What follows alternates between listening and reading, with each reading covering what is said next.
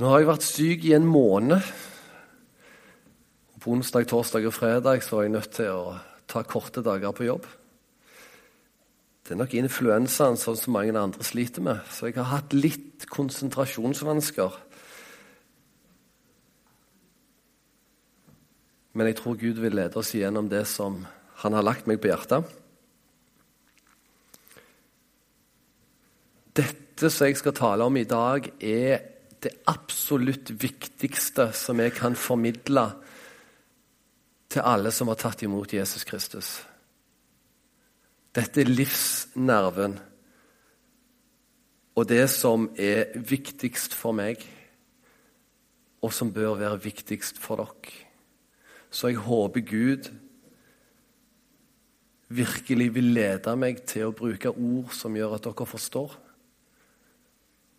og at det blir til en velsignelse for dere. Vi skal begynne med å be om at Gud er her midt iblant oss. Himmelske Far, jeg takker deg for ditt ord.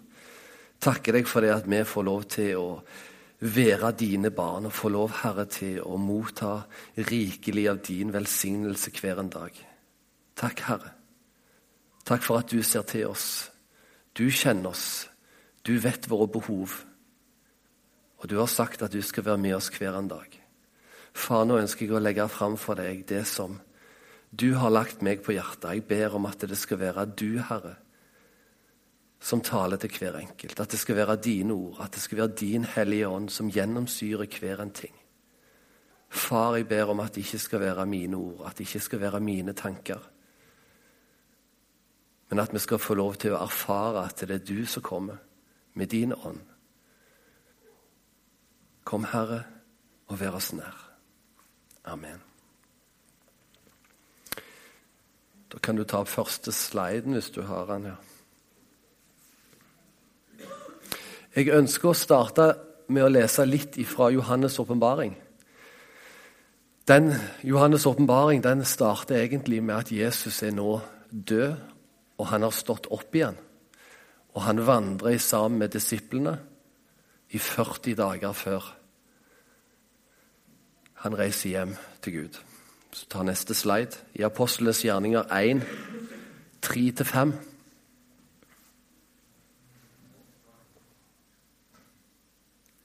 Haha, takk. Apostlenes gjerninger. Etter å ha lidd døden sto han levende fram for dem med mange klare bevis på at han levde. I 40 dager viste han seg for dem og talte om det som hører Guds rike til. En gang han spiste sammen med dem, påla han dem dette. Dere skal ikke forlate Jerusalem, men vente på det som Far har lovet, det som dere har hørt av meg. For Johannes døpte med vann, men dere skal om få dager bli døpt med Den hellige ånd. Og Litt seinere i Apostlenes gjerninger, kapittel, vers 13, så sier han Inn, Inne i byen gikk de opp på den salen hvor de pleide å holde til. Det var Peter og Johannes, Jakob og Andreas, Philip og Thomas, Bartolomeus og Matteus, Jakob, sønn av Alfeus, Simon Selotten og Judas, sønn av Jakob. Alle disse holdt trofast sammen i bønn, sammen med noen kvinner og Maria, Jesu mor, og brødrene hans.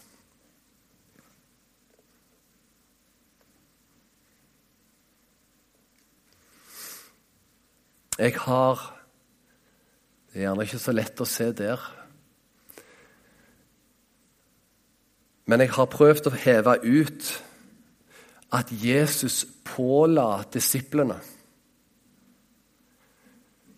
Det som jeg har lært Jeg er ikke så god på grunntekster, men det som jeg har lært, det er det at det ordet som er brukt der, det er samme type ord som gjerne en general eller en hærfører bruker til sin hær.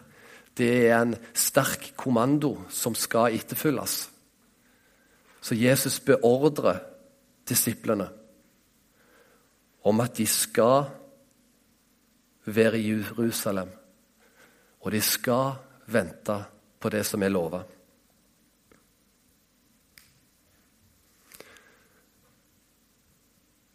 Jesus han reiste opp til tronsalen, til sin øvre sal. hos Gud den allmektige sitter ved høyre side. Og han kommanderer disiplene opp på sin øvre sal og venter på Den hellige ånd som er lova. Det Jesus etterlater seg etter han har brukt tre år sammen med disiplene, hvor han har undervist disiplene, hvor han har gitt av seg sjøl, og de har fått lov til å erfare at han virkelig er Guds sønn. Det han etterlater seg, det er et bønnemøte med sine disipler på en øvre sal.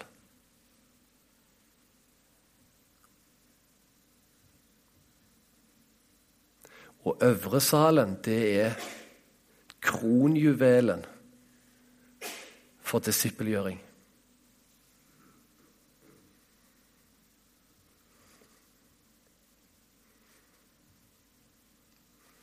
Vi lever i en sekularisert verden. Verden rundt oss ser ikke behovet for en gud. Vi påvirkes, og menigheten påvirkes. Og nøkkelen for at vi skal få lov å erfare Guds nærhet, Guds kjærlighet, at vi skal få lov å erfare det som Gud har lovt oss, det er at vi gjenbygger Øvresalen. Min erfaring er at Øvresalen er det nærmeste vi kommer himmelen her på jord. Hvis du tar neste slide Greier dere å se det? Vi må kjøpe en sånn 100-tommer bak der neste gang. For at uh, den bak der, altså Heldigvis har jeg med en kopi.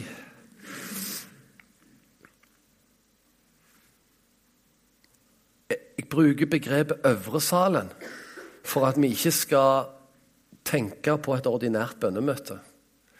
Jeg bruker Øvresalen for at vi ikke skal falle ned i tanker som vi har om hva et bønnemøte er.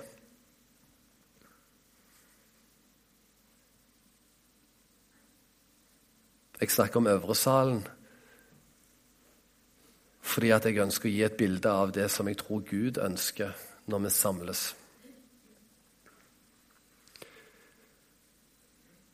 Første punkt som jeg har skrevet, er 'døra er lav'. Ikke nødvendigvis at døra er lav, men det er en sånn illustrasjon for meg. Du kan ikke komme gjennom ei dør som er lav, uten at du bøyer deg ned. Og det tror jeg er en av nøklene til det med denne øvre salen. Det er det at vi kommer inn i ydmykhet og i lydighet til Gud. Vi erkjenner at det er Gud som er den allmektige og store. Atmosfæren er preget av enhet og av enighet. Jeg er ganske sta jeg har mine meninger, og jeg har ganske sterke meninger. Og til tider så kan jeg sikkert være uenig med de fleste av dere. Men det er ikke det Gud snakker om her, og det er ikke det jeg prøver å illustrere. Vi har en enhet i Jesus Kristus. Vi har en enhet i at han er vår far. Han elsker oss. Men enhet er viktig. Og det er viktig at vi samles og vet hva vi enes om. Vi enes om Far i himmelen. Vi enes om at Jesus Kristus har dødd for oss. Og i det så kan vi enes.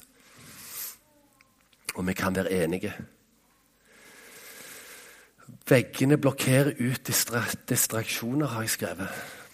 Når vi kommer inn og ønsker å være i Guds nærhet, så er det viktig at vi er klar over at vi har fiender rundt oss som ønsker at vårt fokus skal flakke.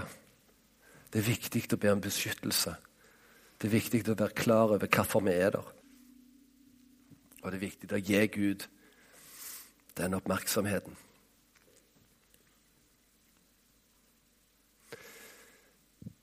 Og vi skal komme inn med en forventning og en begeistring. Og at vi ønsker Guds manifesterte nærvær velkommen.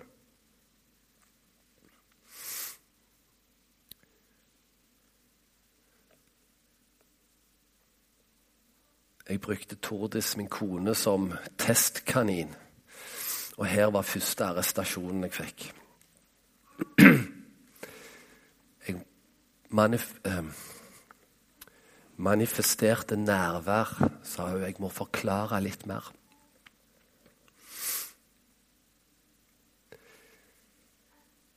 For meg er Guds manifesterte nærvær hele kjernen.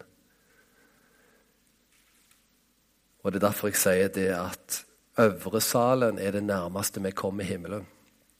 For når vi bruker tid sammen med Gud, ikke har vår egen agenda, men hvor vi lovpriser Gud, gir Han ære, søker Han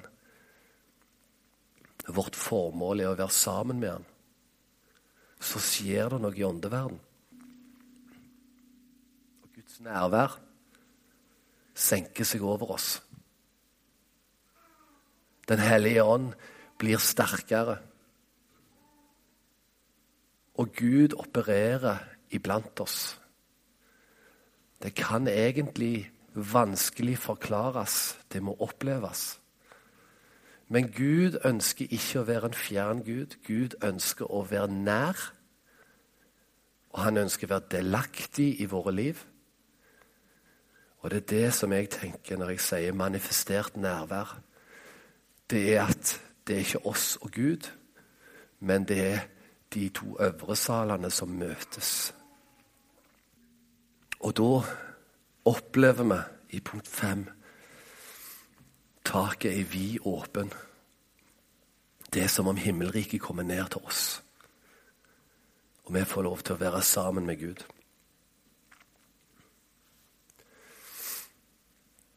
I Midtøsten der som Jesus vandrer rundt. Der har de som regel en stor terrasse. Og det er ofte der de samles på kveldene med familien, med venner. Det er en sval plass å være, og det er en flott plass å være. Og det var på en sånn en plass disiplene gikk opp det er mange som mener det at den plassen de møttes der, det var samme plass som de hadde påskemåltid. Jeg er ikke en så god eh, bibelkjenner og historiker, men de sier nå det at det er stor sannsynlighet for at det var det samme huset. Ut fra teksten så forstår jeg i hvert fall at det var der de pleide samles. Det var en trygg plass. Og de samles oppe på øvre salen, på takterrassen og brukte tid i sammen og var sammen med Gud. For oss så kan øvre salen være hvor som helst. Den kan være i den dypeste kjelleren, eller den kan være på loftet. Men det vil alltid være et høyt rom med Guds autoritet, herlighet og hellighet. Så det er ikke lokasjonen på rommet, men det er et rom som vi løfter opp fordi at det er en plass der vi ønsker å erfare mer av Gud.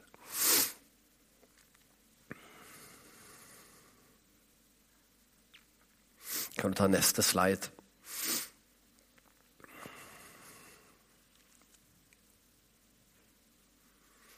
Jeg tror at hvert et menneske som elsker Gud, ønsker å delta på et sånt, en sånn øvre sal. Der det er Gud som kommer og leder oss.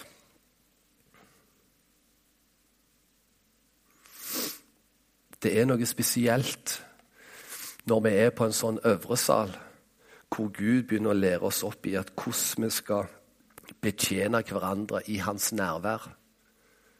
Når vi ikke kan ha lagd en agenda på forhånd, hvor vi må stole på Den hellige ånd, og på det Den hellige ånd leder oss til å gjøre.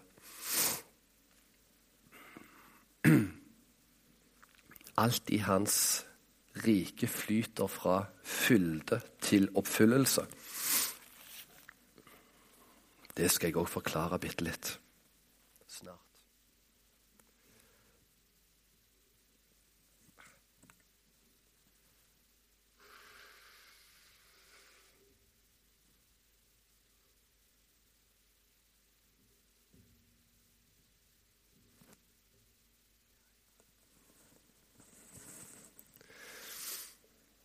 Jeg har arva dette av min far. For han sa det at alltid når vi blir forkjølt i vår familie, så er det høysnue vi får. Så det, det er derifra.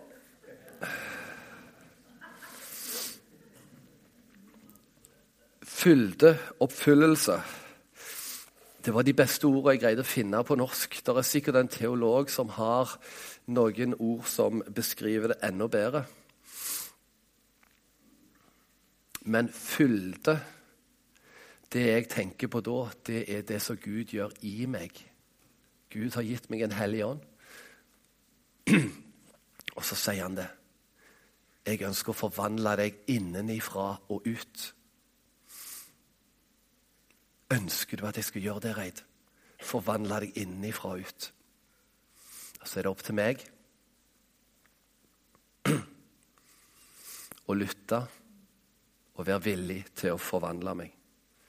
Oppfyllelse. Det er det at Gud kan ikke gjøre noe gjennom meg uten at først har gjort det i meg. Samme som Jesus sa. Jeg kan ikke gjøre noe uten at Faderen har vist meg det. På samme måte så må Gud gjøre ting i meg og det Gud legger ned i meg, det kan han bruke igjennom meg. Det er fylde, oppfyllelse, prinsippet.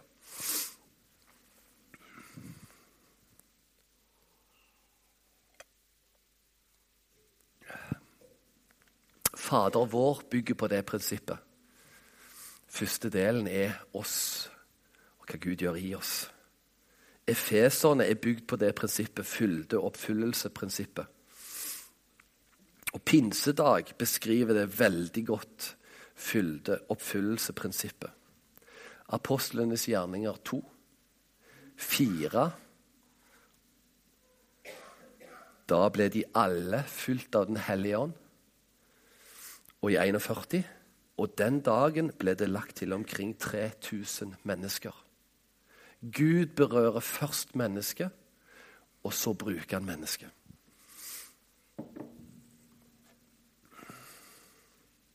Apostlenes gjerninger 4.31.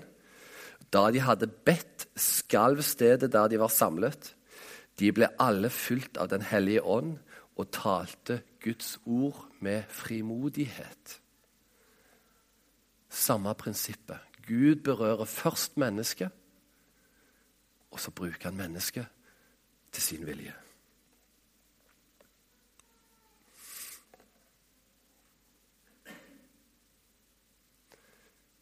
Den bønnen som jeg syns kan være spennende, skummel å be, men som gjerne gjør mest med meg, det er den som står midt på sida. Herre, gjør i meg det som du må, for at du skal kunne gjøre alt du ønsker igjennom meg.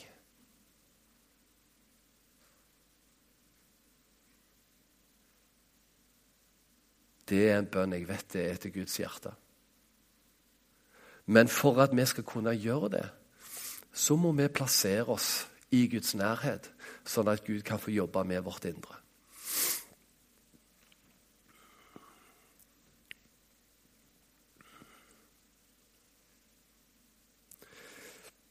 På punkt fire vil jeg lese Lukas 6, 12. På den tiden gikk han en gang opp i fjellet for å be og hele natten var han der i bønn til Gud. Da det ble dag, kalte han til seg disiplene sine, og av dem valgte han ut tolv, som han også kalte apostler. Gud hadde mange som var med han. Unnskyld. Jesus hadde mange som var med han. Og Han var på sin øvre sal, gikk til sides, brukte tid med Gud. Og der, når han var der med Gud, så fikk han de åpenbaringene han trengte. Og når dagen kom, så kunne han velge ut de som skulle være hans disipler. Gud instruerte Jesus når han var på sin øvre sal, på hva valg han skulle ta i det livet som han levde her på jord. Som leder i menigheten så må vi òg ha det fokuset. At dette er Gud som styrer.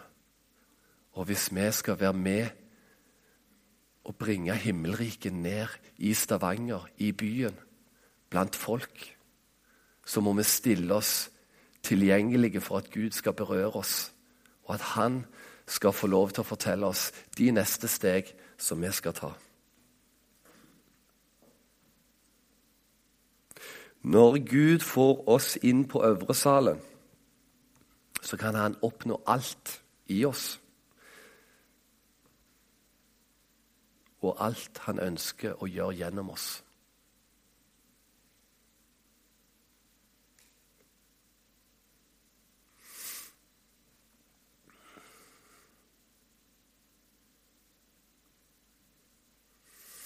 Men er ikke dette et vanlig bønnemøte, da? Er det noen forskjell? Jeg skal være veldig forsiktig med å generalisere et bønnemøte. Men ofte så samles vi på en tradisjonell møte, måte, og vi har ofte en agenda. Det er fort vi som styrer. Det er fort vi som blir sentrum. Så har vi den lista over ting som vi ønsker å legge fram for vår Herre. Øvresalen dreier seg om Kristus og vår Far i himmelen. Vi bruker tid på å gi Han ære, på å opphøye Hans navn. Hensikten vår i et fellesskap med vår levende Gud og med hverandre. Vi har ikke noen liste. Vi har ikke noen annen agenda. Vi søker bare hans ansikt. Og så søker vi det som han har for oss. Og han kommer og møter oss med sin hellige ånd og sin tilstedeværelse. Og så leder han oss i sitt nærvær.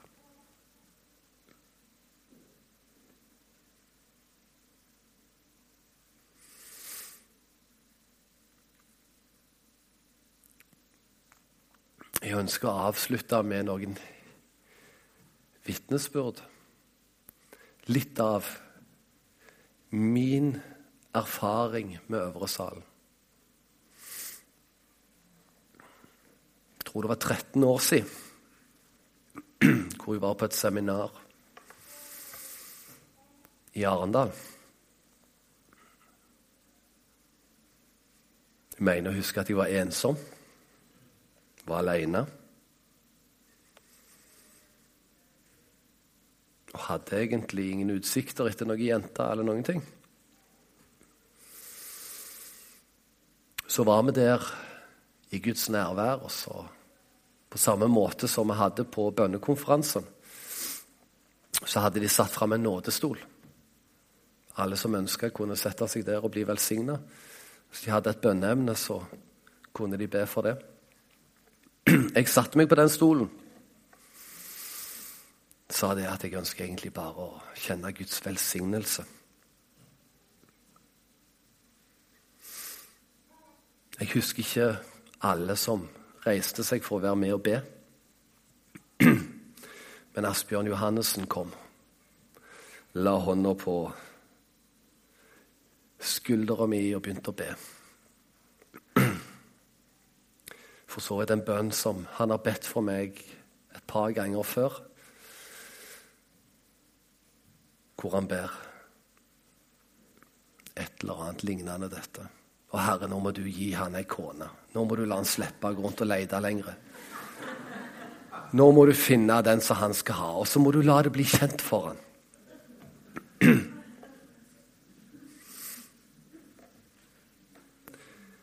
Og da bare tenkte jeg i mitt stille sinn Ja, ja, Gud, du får gi meg navnet. Jeg vet ikke om det var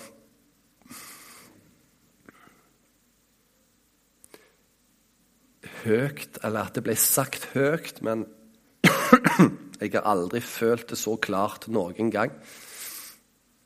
Hvor det var en stemme inni hodet mitt som sa 'Tordis'. Jeg hadde kjent henne åtte og et halvt år. Nei, nei, nei, nei, dette kan ikke stemme. Nei, nei, det, det, Dette er meg sjøl. Gud, du må, du, må, du må, gjøre det klart for meg. Tordis, hørte jeg igjen. Tordis var i grunnen ei jente som jeg eh, hadde tilbrakt mye tid med. Som jeg hadde bestemt meg for at hun var ikke aktuell for meg. Ikke overhodet. Kom ikke på tale. Men det var det Gud sa til meg. Og jeg har lært å respektere at når Gud taler, så vet han best. Så dette var da fred Dette var jeg husker ikke om det var sikkert lørdagen. Så det nærmte seg at vi skulle reise hjem, så jeg sa til Tordis at uh, Gud har, har, Jeg tror vi må ta en prat sammen. Så. Så jeg inviterte henne hjem til meg dagen etterpå. Når vi kom hjem. Og det rare var det at når jeg begynte å fortelle vet du hva, Jeg, jeg visste vel egentlig at hun, hun hadde hinta litt om at hun var litt interessert. Så jeg, jeg, var liksom ikke helt Jeg var liksom ikke helt på dypt vann da.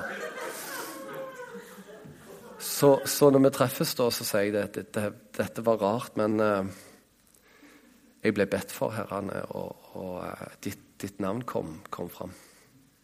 Så lyser hun opp, og vet du hva hun sier? Det sa Gud til meg i fjor.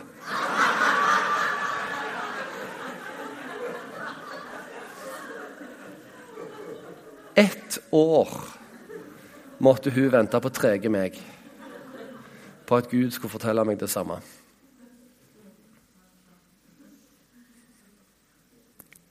Men jeg er så takknemlig for at Gud greip inn og satte ting i rett stand. Jeg kunne aldri hatt det bedre, og jeg kunne aldri funnet ei jente som passer meg bedre enn Tordes.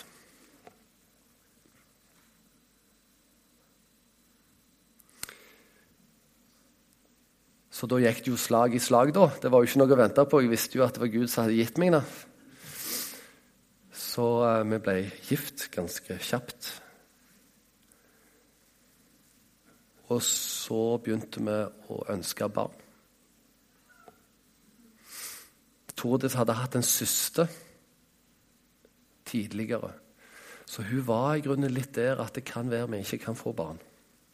Så når vi hadde vært gift et år. Så gikk hun til legen, og legen sendte henne til spesialister. Og det så ut som det ikke gjerne ville være så lett for oss å få barn.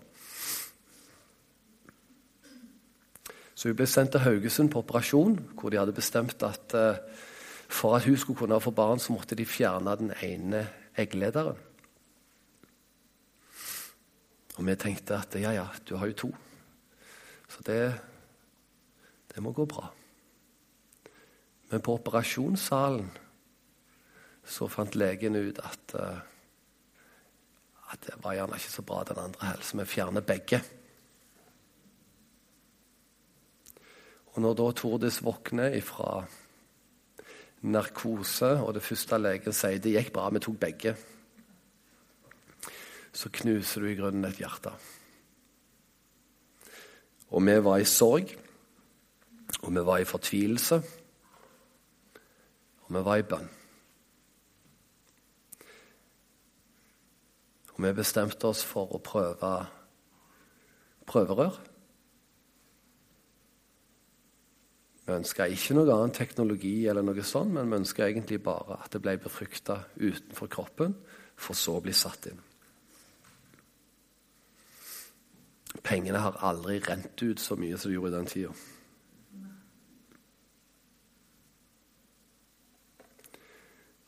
Tror vi holdt på i fem år.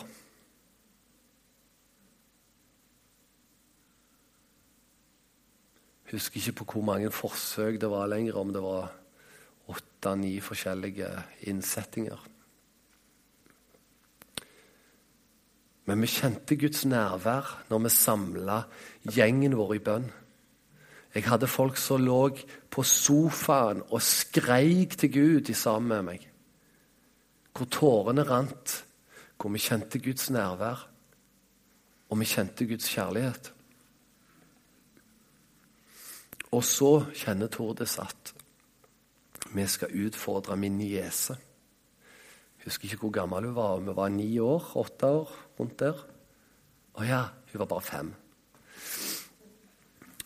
Så Tordis utfordrer niesen, og så sier det at vi ønsker at du skal be for oss om at vi skal få et barn.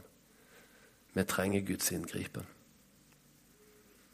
Og så hørte vi litt sånn rapporter av og til fra mor til denne jenta om at hun ber hver dag. Hver dag ber hun. Og etter et halvt år så sa mora at nå, nå, nå har det endra seg litt her. Nå, nå, er det ikke like lett lenger. Når hun ber nå, så, så ber hun sånn som dette.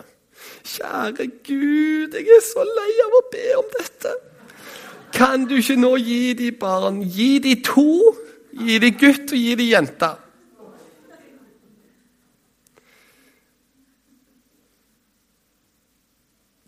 Når jeg hørte det, så sa jeg at hei, nå må vi stoppe opp litt. Nå må vi tenke oss om. Når vi utfordrer noen til å be, spesielt når det er barn, og de bringer dette fram for Gud, så er det naturlig at Gud taler òg i deres liv. Vi er nødt til å ta den bønnen til dette barnet inn i våre liv, løfte det framfor Gud og så må vi spørre er dette barnetanker, eller er det en profeti som du har gitt? Jeg var ikke klar for svaret jeg fikk. Men jeg kjente det veldig sterkt at Gud sa dette er fra meg. Du skal få tvillinger. Du skal få gutt, og du skal få jente. Men jeg ønsker at du skal proklamere det i Misjonskirka før du får det. Så ca. for ni år siden så sto jeg her. Proklamerte at Gud skulle gi oss tvillinger. Men vi er ikke gravide ennå. Og Så gikk det litt tid, og så kom jeg opp her igjen og så sa de at første del kan jeg bekrefte. Vi er nå gravide. Så gikk det en måned og to til, så var jeg oppe her igjen. Nå kan jeg bekrefte at det er tvillinger, men jeg vet ikke kjønnet ennå. Men jeg var ganske sikker på at det ble gutt og jente. Gud ønsker at hver en av oss skal få lov til å komme inn i en relasjon med Han, hvor vi får lov til å stole på Han hvor vi kan få lov til å erfare at Gud taler inn i våre liv. At vi kan erfare at Gud kjenner hver en tanke og hvert et behov. Det kaller Gud oss inn til. Det er øvre salen.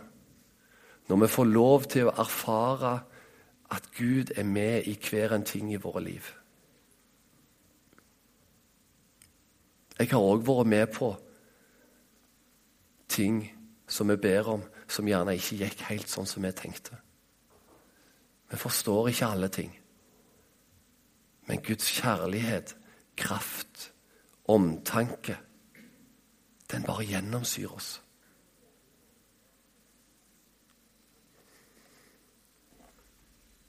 Jeg ønska ikke å avslutte talen med at det skulle bli en teori. at det var dette Gud ønska, altså liksom bare la det være med det. Øvresalen kan vi oppleve enten vi er alene eller vi er flere. Men ofte så er det til veldig god hjelp når vi er flere.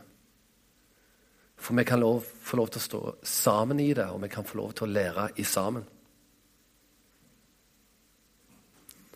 Så jeg ønsker at hver en av dere skal få lov til å oppleve Guds nærvær og inngripen i eget liv. Jeg ønsker at vi sammen skal få oppleve at Gud kommer og er oss nær.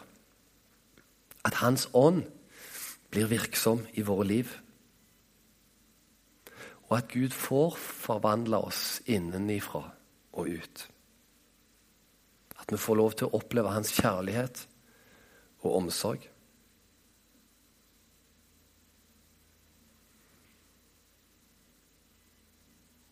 Jeg vil gjerne komme med en liten bekjennelse som dere gjerne kjenner dere igjen i. Men det er en del plasser i Bibelen som er vanskelige å tro på. For erfaringsmessig så stemmer det liksom ikke.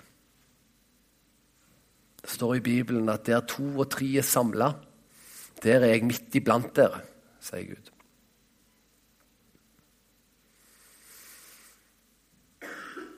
Jeg har fått lov til å erfare at det blir sant når vi samles på Øvre salen. Det blir sant når vi bruker tid sammen med Gud, løfter opp Hans navn, og Han får sin rettmessige plass i våre liv. Erfaringen min er at når vi er på Øvre salen, de tingene, de løftene som Gud kanskje har gitt, som har virka vanskelige, det blir med ett. Åpenbart. Og vi ser at det stemmer.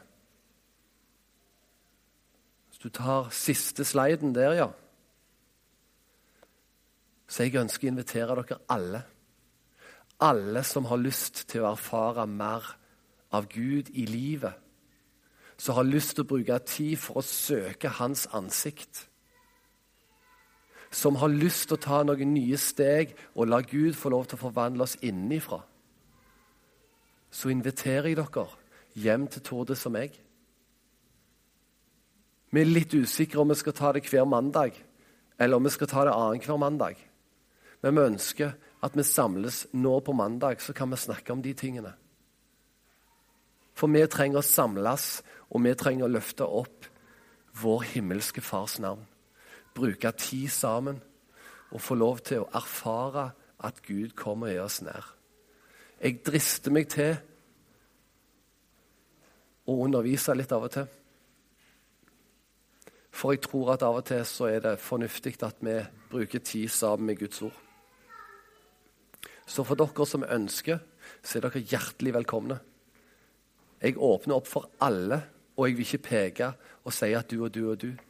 Alle som har lyst, er hjertelig velkomne. Men jeg ønsker at det skal forbli en invitasjon til menigheten. At vi ikke inviterer utenforstående fordi at jeg har en begrensa plass. Og jeg ønsker at den først og fremst skal bli brukt til oss i menigheten.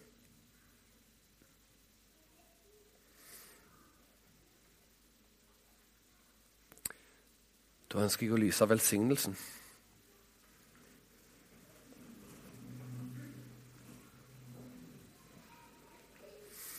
Det var Herren som kom til Moses og sa at han skulle tale til Aron og til sønnene. Og han skulle fortelle Aron hvordan han skulle velsigne folket. Og med den velsignelsen så sier han de skal sette mitt navn på israelittene, og jeg vil velsigne dem.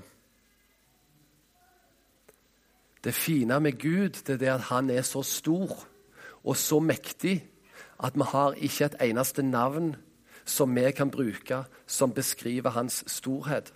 Så vi har mange navn. Han er vår lege. Han er vår redningsmann.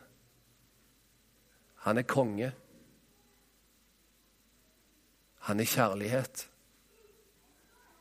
Og det Gud sier her, det er at alle disse navn, alt av det jeg er, all min storhet, all min godhet, alt Hele mitt navn, det ønsker jeg å velsigne dem med. Så jeg ønsker bare å utvide vår tanke med den velsignelsen som Gud ønsker å gi. Ta gjerne Rekk ut hendene som et tegn på at du ønsker å ta imot. Herren velsigne deg og bevare deg. Herren la sitt ansikt lyse over deg og være deg nådig. Herren løfte sitt åsyn mot deg og gi deg fred. I Jesu navn. Amen. Ta tid inn i kirkesalen. Prat med hverandre.